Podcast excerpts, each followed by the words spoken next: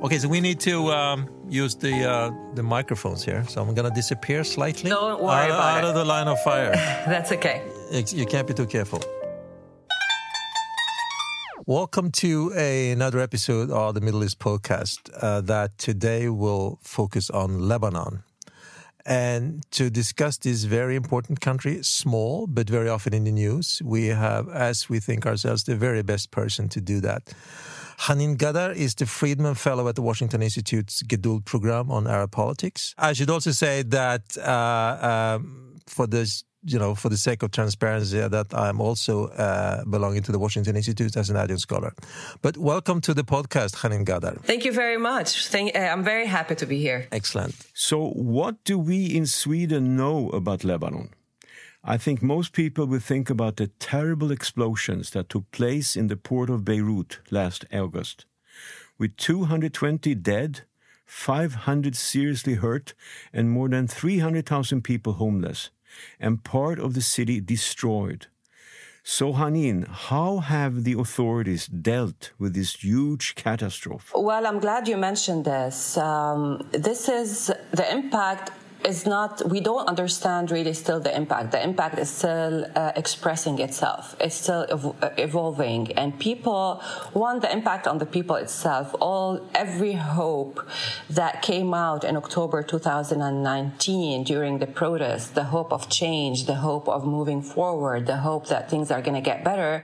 Oktober 2019 såg för första gången på väldigt länge en stor social proteströrelse i Libanon där eh, folk från hela det politiska och sociala och religiösa spektrat i Libanon protesterade mot regeringskorruption och oförmågan hos regeringen att få till vettiga ekonomiska reformer. It was all shredded with this explosion, especially that nothing happened afterwards. This is the craziest part. Zero accountability.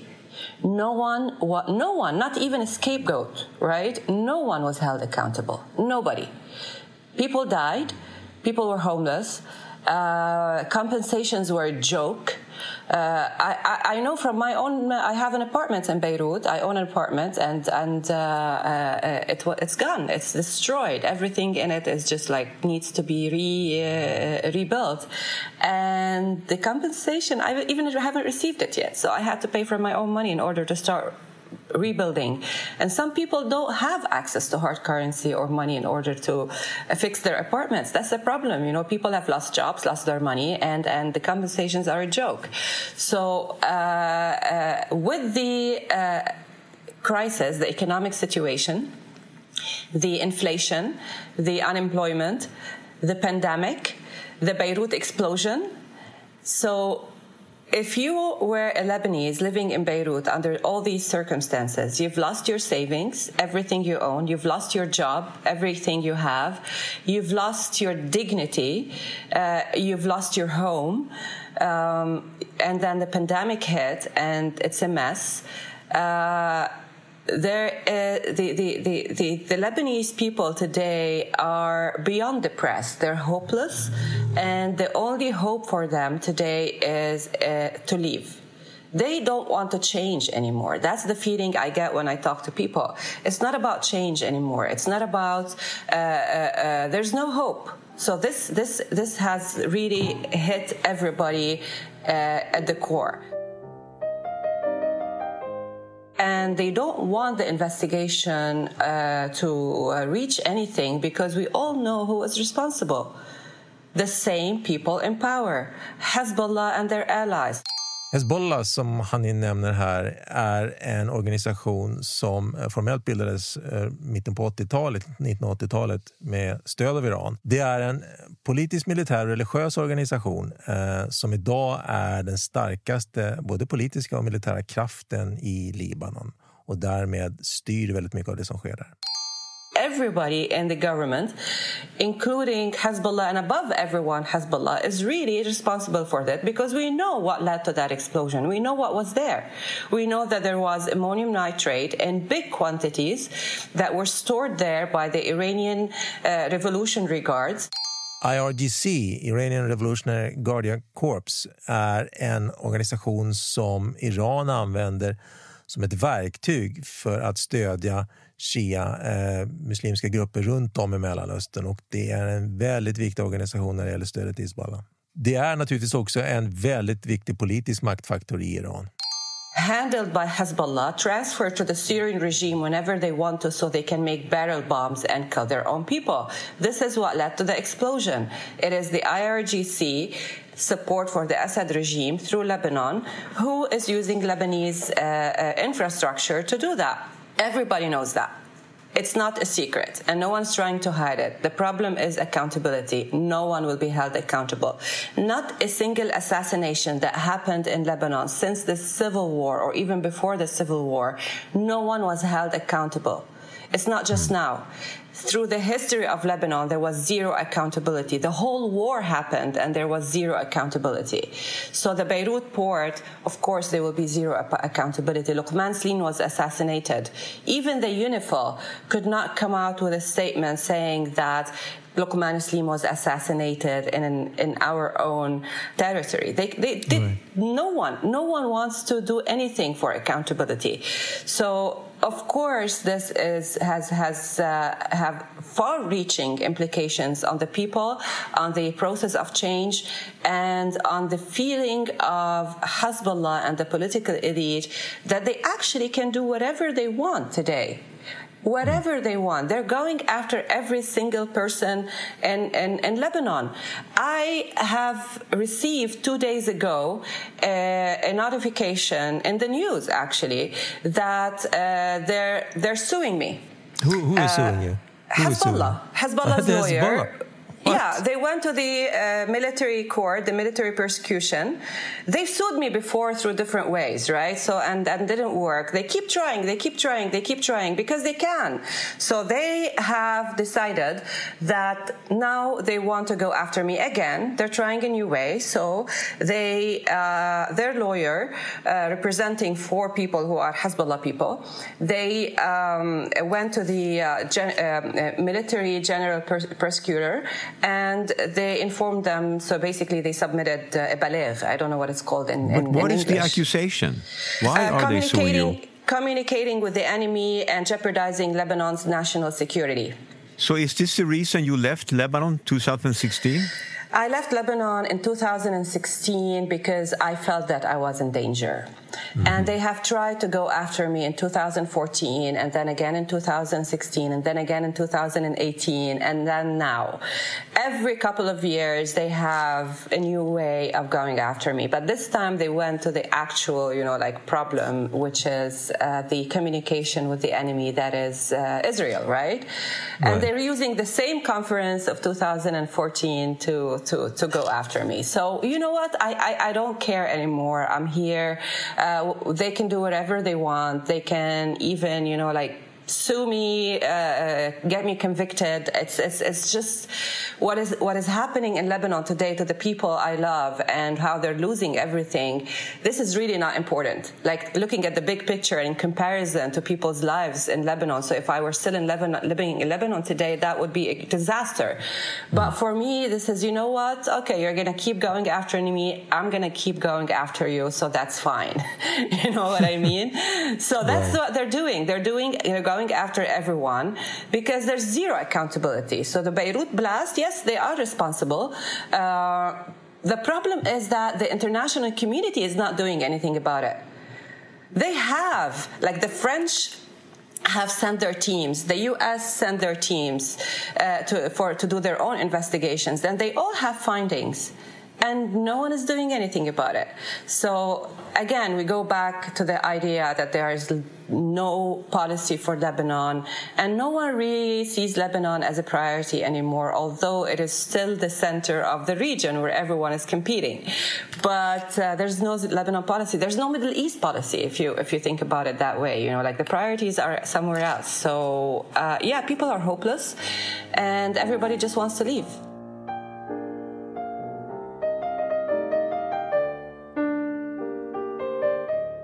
Uh, another topic that actually has been in the news here in Sweden as well are the negotiations between Lebanon and Israel on the maritime border. Uh, that's been going on and off for, for several years, actually. But uh, as we speak, they are on again. Now, first of all, of course, do you think that this will uh, lead to an agreement uh, about the maritime border? And secondly, and equally important, can this lead to a breakthrough in negotiations between Israel and Lebanon uh, about a possible peace agreement, despite the, the resistance of no. the Hezbollah? No, you don't no, think so? No, you don't no, think so? No, no, they're only doing this. I'm very sure about it, and I wrote about it last time there was negotiations, and I still believe it. Every time they feel cornered one way or another uh, by international pressure, they do this. They say we'll talk to Israel. So the international community will give them a chance so they can buy time. Every time they need to buy time, they say we're ready to talk. It's not going to happen. Even if it happens, even if they find some kind of resolution on the maritime border itself, it's not going to lead to anything beyond that. Hezbollah is not going to do uh, a peace agreement. It's not going to allow a peace agreement with Israel. There's no way it's going to happen. Everyone in Lebanon wants it. Not everyone, but the majority of the Lebanese want it because at the end of the day, peace will lead to prosperity.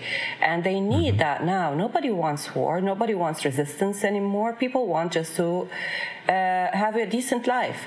So peace, if peace can provide that, and also don't forget that this crisis and all the crises before it have changed people's mentality in the sense that the enemy is within. Mm. It's not actually outside our borders anymore. The enemy is within. Our enemy is Hezbollah. Our enemy is the political elite. Our enemy is corruption. People have realized this today. And this, so this is a widespread. This is a widespread yes, idea. Yes, it doesn't right. mean that people now they love Israel. Of course not. They're not going to get there uh, uh, in that in that sense. Mm. There's a lot of collective history that needs to be resolved, and there's a lot of issues that needs to be addressed, of course, uh, but but it's not um, the number one enemy anymore. It's it's let's say uh, it is uh, a problem that needs to be resolved, and the Israelis have to face some truths, right? That's how mm-hmm. Lebanese people, a lot of Lebanese think. So yes, they're ready for that, absolutely ready for that. But Hezbollah is mm-hmm. not, and the decision is not the people's decision. It's not the country's decision. It's not the state's decision. It's Hezbollah's decision, and Lebanon is is a bargaining chip, and Lebanon mm-hmm. is their backyard. They're not going to allow this because if they go for a peace with Israel then they will lose uh, uh, uh their their, their uh, raison d'être, their existence. What, what, what about an agreement, a maritime agreement? Do you think that's possible? it might be possible, but I still believe that they're only doing this to buy time. Okay. I still think that they don't really need it right away. They'd rather wait until they don't want to change anything at this point before Iran and Israel uh, reach an agreement or reach something that would lead to an agreement. And in light of that, they will make the rest of the decisions in Lebanon or the region. They're not going to do anything before understanding what's going to go, uh, what's going to happen between Iran and the U.S let's say let's let's let's phrase it that way, including the right. maritime border. They don't right. have to.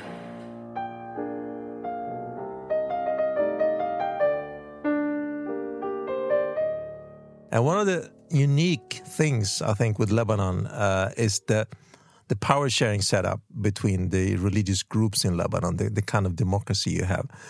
Uh, so maybe you could explain briefly that how that really works. Uh, you know, the pros and the cons. Yeah. Uh, well, obviously it uh, is not working. So we thought that it worked, but the uh, result of 100 years of Lebanon, Lebanon is today 100 years old. Uh, the right. result of 100 years of this kind of power sharing and sectarian politics uh, resulted in a catastrophe. So obviously that system doesn't work. But let me tell you a little bit about this system. This system was set in place by the French mandate in the sense that it is sectarian power sharing that the president mm. has to be a Christian Maronite, the prime minister a Sunni, and the speaker of the house uh, a Shia. Right? right and right. everything, every single appointment, high level appointment in Lebanon, even to the low level appointments in Lebanon, it's all based on a sectarian system. That's one problem because people are no longer citizens. They became sectarian uh, uh, uh, members of a sectarian group or, or parties. The right. second pro- pro- problem that came afterwards and added a layer of a horrible layer to this uh, uh, actual pro- problem, which is the lack of citizenship, is what happened after the Civil War. What, what, what, we did is that we ended the civil war with the Ta'if Accord. Instead of first and foremost doing some kind of accountability and collective memory uh, to make sure that this is not repeated, we erased our memory of the Civil War and we did not hold anyone accountable. The same warlords who participated in the civil war that happened in the 70s and the 80s until the early 90s a long civil war that devastated Lebanon, its people, and made it uh, really destroyed the state institution. We decided that it didn't happen. Until today, hmm. the history books of the uh, school history book, books, children go to school. I lived the Civil War. My yeah, son exactly. did not. Yeah, my son did not live the Civil War. But when he went to school, he wouldn't know about it because it's not in the history books. Not at all. Until today, years. it's until today it's not in the history books. We erased it. And we erased it, not we as people erased it, because the warlords who fought the civil war and killed each other are now part of the uh, system. The mm. leader of the Amal militia, which is one of the most vicious militias in Lebanon, is now the speaker of the parliament. Nabih and Berri. so on yeah. and so forth. Nabih Berri. Yeah. So that's the problem. We did not do accountability. We did not do a collective memory. Uh, the new generation did not understand what happened, why we are here now. And all this actually added to the corruption after the state institutions were destroyed, it wasn't rebuilt because after that, after the civil war, the Syrian army came in. And the Syrian army did not really want to build the state institutions. They wanted to control the state institutions. So that was not done as well. So everything was emptied of its, uh, um, of collective memory and, and reforms and accountability. Uh, and the state became a shell. And that's why we're here. The Syrian army withdrew in 2005 but it was replaced by the Iranian army. And that's the problem today. It's like never been, uh, nothing has been resolved. Nothing. So that's why Lebanon is collapsing today, in addition to all, a lot of reasons. But these are the main, if you want, the historical, the historical background of it. This is very interesting. You said you said that it hasn't been working for a very long time, but what what about the uh, uh, you know the, the, the people who wants to change that system? Is, is there is there a kind of a movement or uh, you know some kind of political pressure to do that? Well, we had a lot of um, movements throughout history of people who want to change the system. Very recently, in 2005, when they said the Syrian army left and was replaced by the Iranian army, it didn't leave because they just wanted to leave. There was regional context for it, but it's really because the people went to the streets and started this March 14 uh, revolution that got the Syrian army to withdraw, in addition to the international pressure and the U.S. pressure that accompanied that. That was the only achievement of the street in Lebanon. Really, the only achievement. Afterwards, we had many protests and revolutions, but the state became um, the, the political elite, not the state. The political elite became so resilient and shameless in the sense that nothing really mattered. There was no dishonoring them. There was no uh, feeling of guilt towards anything. There was like just people who were put in place there, so corrupt that nothing really mattered to them. Until today, in 2019, the biggest revolution that Lebanon witnessed in its modern history was 2019, October 2019 revolution. And it actually did oust the government of Hariri back then, right? Mm. And it was beautiful in the sense that it was the only, the first uh, uh, really mass protest in Lebanon that was cross-sectarian, and everyone participated, including those who never participate, who are basically the Shia, the the uh, the people who are considered in Hezbollah's community. Even those participated. It was cross-sectarian. It was, in a sense, the Lebanese people finally saying enough. But look at us today. The person, the only person they managed to oust, who was Hariri, now he's back as the designate prime minister to form the next government and supported by the international community, kind of like in, indirectly. So the street has done so much to the extent that they realize that there's no other way.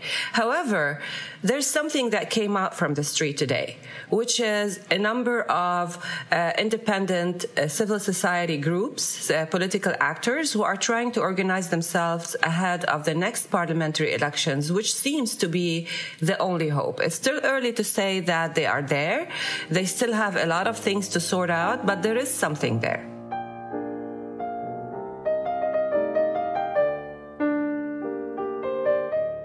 So, a key aspect of Lebanon is the role of Hezbollah. And what would you, how powerful is its leader, Nasrallah? And would you say that Hezbollah in the future can become like a kingmaker and maybe even in the end turn Lebanon into a mini caliphate? What are the prospects? Well, we're almost there it's not just about prospects. The Hassan Nasrallah, Hezbollah, that is Iran, basically. When I say Hassan Nasrallah, he's not really the decision maker. It's Iran. And they have already, they are already the kingmakers in Lebanon. They decide everything. Today, there's no way we, anyone could go to form a government that has any ability to make reforms because they said no nothing can happen. They have, they control everything in Lebanon and they don't care. So we're already there. They are the kingmakers. And they haven't really turned Lebanon into a mini Iran or like what we call it, the uh, Iranistan or Lebanistan. Uh, it's still Lebanon. It's not Lebanistan, but uh, in a way, it is going in this direction because uh, whatever made Lebanon different in the region or uh, differentiate Lebanon from Iran or the rest of the region is gone the civil society they're they're um, they're really going after every single person with with, with threats and and uh, uh, character assassination and assassinations, and uh, they're trying their best to make sure that no one else wins the elections or even penetrates the parliament. So when they get there, that's it. They uh, uh, when they decide they don't care if there are women in Lebanon are veiled or not. This is not really their issue. It's not the religious part of Lebanon. It's not, they don't want Lebanon to be the Islamic state of Lebanon. They really want the decision maker uh, making. So whether women are veiled or not, it doesn't matter. What they want is the decision and they have it. They have the decision. However, that being said, I don't think that they are that powerful if you look at the bigger picture they have serious challenges that they don't have for the first time they don't have a strategy to overcome. They are very strong in Lebanon because everyone else is weak, but they are not strong enough to maintain this power on the long term. Meaning that with the regional shifts that are happening today, especially after the Abraham Accords and Israel getting into this region in the sense that there are more peace uh, signed with uh, peace agreements signed with Israel, things are changing. This is one. Two, uh, Iran is in a very bad economic and financial situation, which is reflecting on, on, on, on Hezbollah as well. They have real and serious financial uh, and they had to put a lot of projects on hold, especially the soft power projects in Lebanon. Everything is on hold. Three, both of these actually left uh, uh, uh led to a very um, third challenge, which is their popular support. Without them being the protector and the provider, that is with their money and the resistance uh, rhetoric, because there's no resistance rhetoric anymore. It's dead. It's gone. Without them being, you know, like the powerful uh, provider and protector of the Shia community, they have lost a lot of popular support, and people do not really see them as the uh, noble resistance movement that they do, used to portray. They see them as a militia that smuggles drugs across the region and smuggles food that the Lebanese Lebanese desperately need in order to make money on the back of the Lebanese. So for the for the Lebanese people now, the image of Hezbollah has shifted from the noble resistance opposition group to the authority, the actual authority of Lebanon that has destroyed Lebanon and is still smuggling everything left across the border. So why would anyone support Hezbollah today, except for the very few that are totally brainwashed? So that that that really is a big challenge. So if you look at the broader picture and on the details, of the Shia community, you realize that this power is just a power with a lot of illusions in the sense that because everyone is weak, they are powerful, but they themselves are not. And the threat of their weapons is becoming um, uh, uh, also a challenge because they realize that the threat of their weapons uh, is more powerful than their weapons itself. Because if they use their weapons today, they are going to lose it and lose everything. So they want to keep their weapons and not use it and not risk the last thing they have. So they keep threatening with their weapons, but they will not use it. And this is, bec- is going to become very obvious soon. In other words, you are hopeful, you have a vision that the power of Hezbollah will be lessened in the future. Well, there are two scenarios for it, right?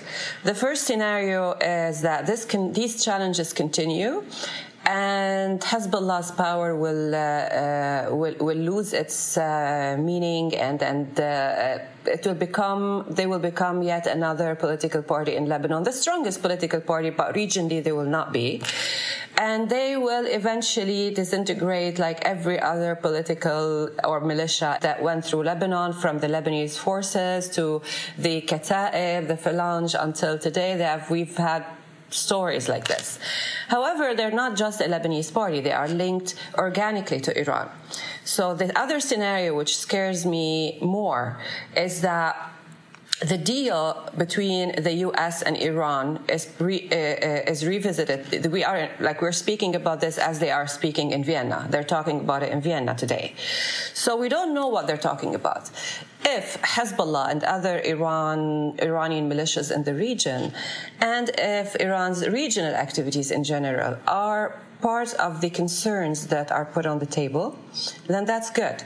But if Iran is given um, if, if, the sanctions were uh, lifted and Iran's financial power is back, and Iran will lose will use its financial power in order to fu- refund its militias in the region and mainly Hezbollah, Hezbollah will become even much more powerful than it is today. They will have access to a lot more of um, hard currency that they have today. They will become by far the most powerful party in Lebanon, even more powerful not only than the state, but also than the banking sector and the central bank and the private sector, which has all been erased during the past uh, uh year and a half. So they will become far more powerful if this happens. And regionally, they will have uh, uh, the freedom to do whatever they want because the deal is over and they don't have to watch out. Uh, so this is, this is the more scary scenario. I'd rather have the first scenario scenario where the regional activities of Iran are on the table and they are addressed by the international community, especially by the Biden administration, in a way that doesn't really uh, uh, allow Iran and Hezbollah to uh, run free with access to hard currency just because they uh, uh agreed on the nuclear program. So, so, so there are two scenarios to, for, for that. One is a good scenario or like better scenario, and one is a nightmare.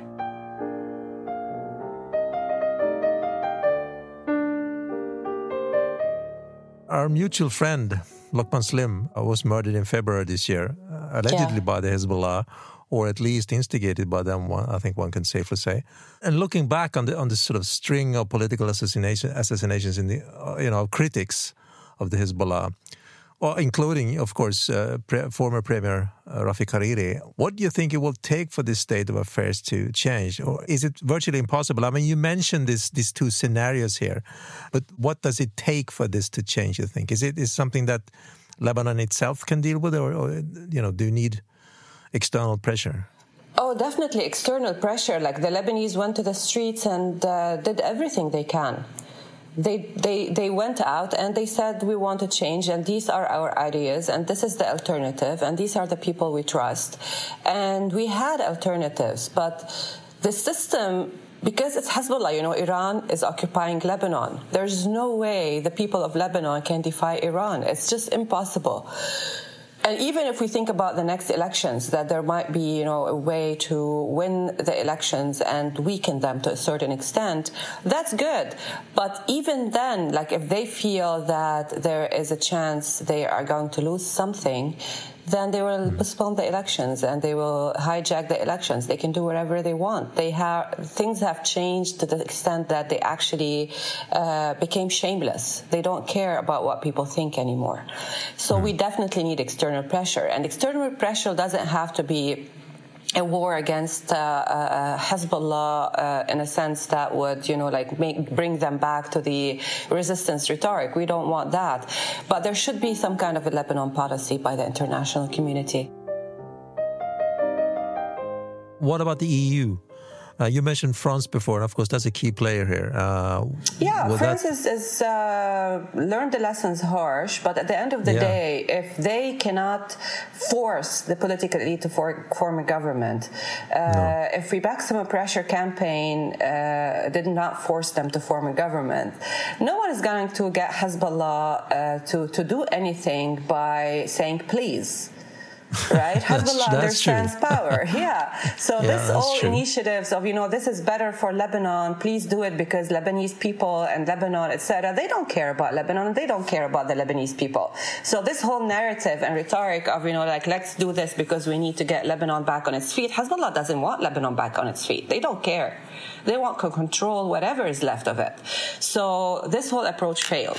So the new approach should be, you know, like, okay, Hezbollah want to uh, take Lebanon by force, then there should be a more uh, robust approach by the EU in the sense of uh, a policy that uh, uh, uh, contains more pressure and more sanctions and more punitive measures instead of just diplomacy and saying please. Right, right. So, in addition to that, you are hoping for a fair election next year. Uh, I'm really, really hoping. I'm not very much hopeful, but this to, for this to happen, uh, there should be a very clear uh, and unified international position on that, and an interference. And I would say interference because there should be an international supervision of these elections, or otherwise it's lost. Okay. And when that's lost, everything's lost. Just to sum up here, so without some kind of very heavy external pressure, uh, there's really very little hope uh, for Lebanon to get out of this mess. Yes, absolutely. Absolutely. Right. And that's why I'm not very hopeful because I don't see that kind of international pressure right. on Lebanon. And, and uh, the priority is not there anyway. On that happy note, I think, I think uh, we have to uh, close this down. Uh, many, many thanks, Hanin, for taking time. Uh, this was really a very good session. Uh, a bit uh, pessimistic. but, I'm but sorry. I'm sorry for being pessimistic. I'm no, just no, no, trying to describe the reality. It, that's what we're trying to do here at the Middle East Podcast. It's it's a reality we're after.